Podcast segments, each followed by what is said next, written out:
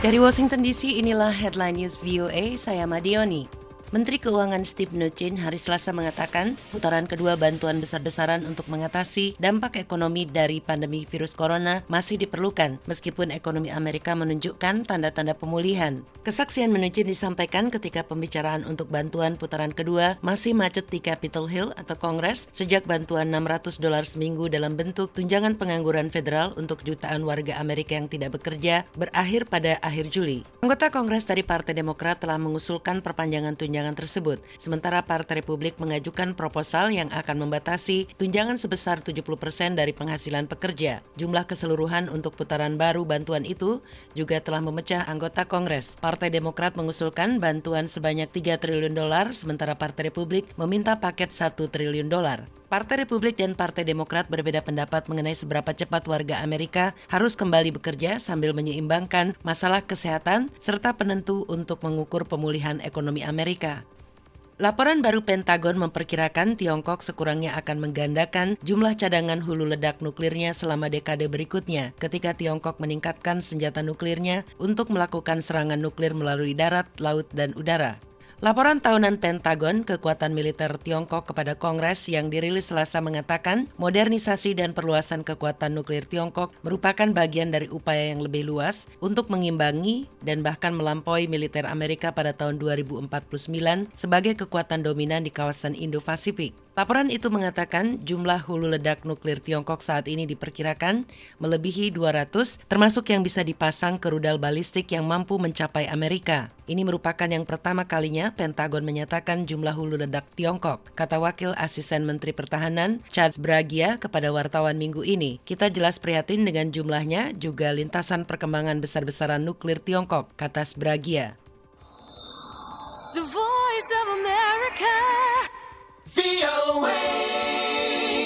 Pusat Pengendalian dan Pencegahan Penyakit Amerika atau CDC hari Selasa mengeluarkan perintah berskala nasional untuk sementara waktu menghentikan penggusuran jutaan penyewa rumah Amerika untuk mengurangi penyebaran COVID-19.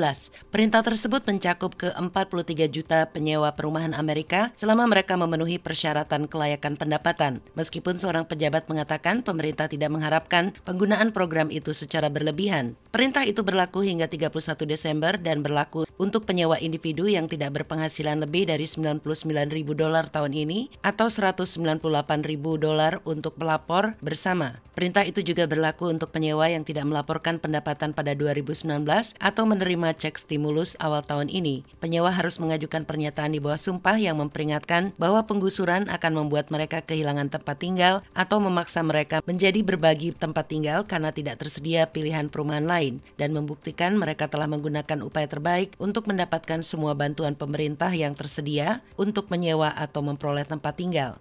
Sembilan minggu menjelang hari pemilu di Amerika, mantan Wakil Presiden Joe Biden masih tetap unggul setelah selama berbulan-bulan unggul dari Presiden Donald Trump dalam jajak pendapat nasional. Tetapi survei menunjukkan persaingan makin tajam, bahkan lebih ketat di negara bagian penting yang kemungkinan besar akan menentukan hasilnya. Biden yang menjadi senator Amerika selama 36 tahun dan menjadi wakil dari Presiden Barack Obama selama 8 tahun umumnya unggul dari Trump dengan 8 hingga 10 poin persentase pada survei sepanjang tahun 2020. Namun keunggulannya berkurang menjadi rata-rata 6,2 poin persentase dalam sejumlah jajah pendapat baru-baru ini yang dikumpulkan oleh situs Real Clear Politics. Keunggulan Biden bahkan lebih tipis di tiga negara bagian utama yang sering dimenangkan oleh Partai Demokrat, yaitu Pennsylvania, Michigan, dan Wisconsin yang berhasil dikuasai Trump pada tahun 2016 untuk memenangkan pemilu. Setelah jeda pandemi hari Selasa, seribu lebih aktivis iklim Extinction Rebellion yang mengenakan masker kembali berunjuk rasa di jalan-jalan London. Mereka menyerukan tindakan yang lebih cepat untuk menghentikan pemanasan global, sementara pasukan polisi dalam jumlah besar mengawasi unjuk rasa. Dengan kembalinya Parlemen Inggris dari istirahat musim panas minggu ini, pengunjuk rasa memblokir alun-alun di depan gedung dan meminta legislator untuk membahas usulan RUU Darurat Iklim dan Ekologi. RUU itu bertujuan memperluas janji Inggris untuk mencapai bersih emisi yang sejauh ini dikecualikan seperti pengiriman internasional dan perjalanan udara. Sekian headline news VOA Washington, saya Madioni.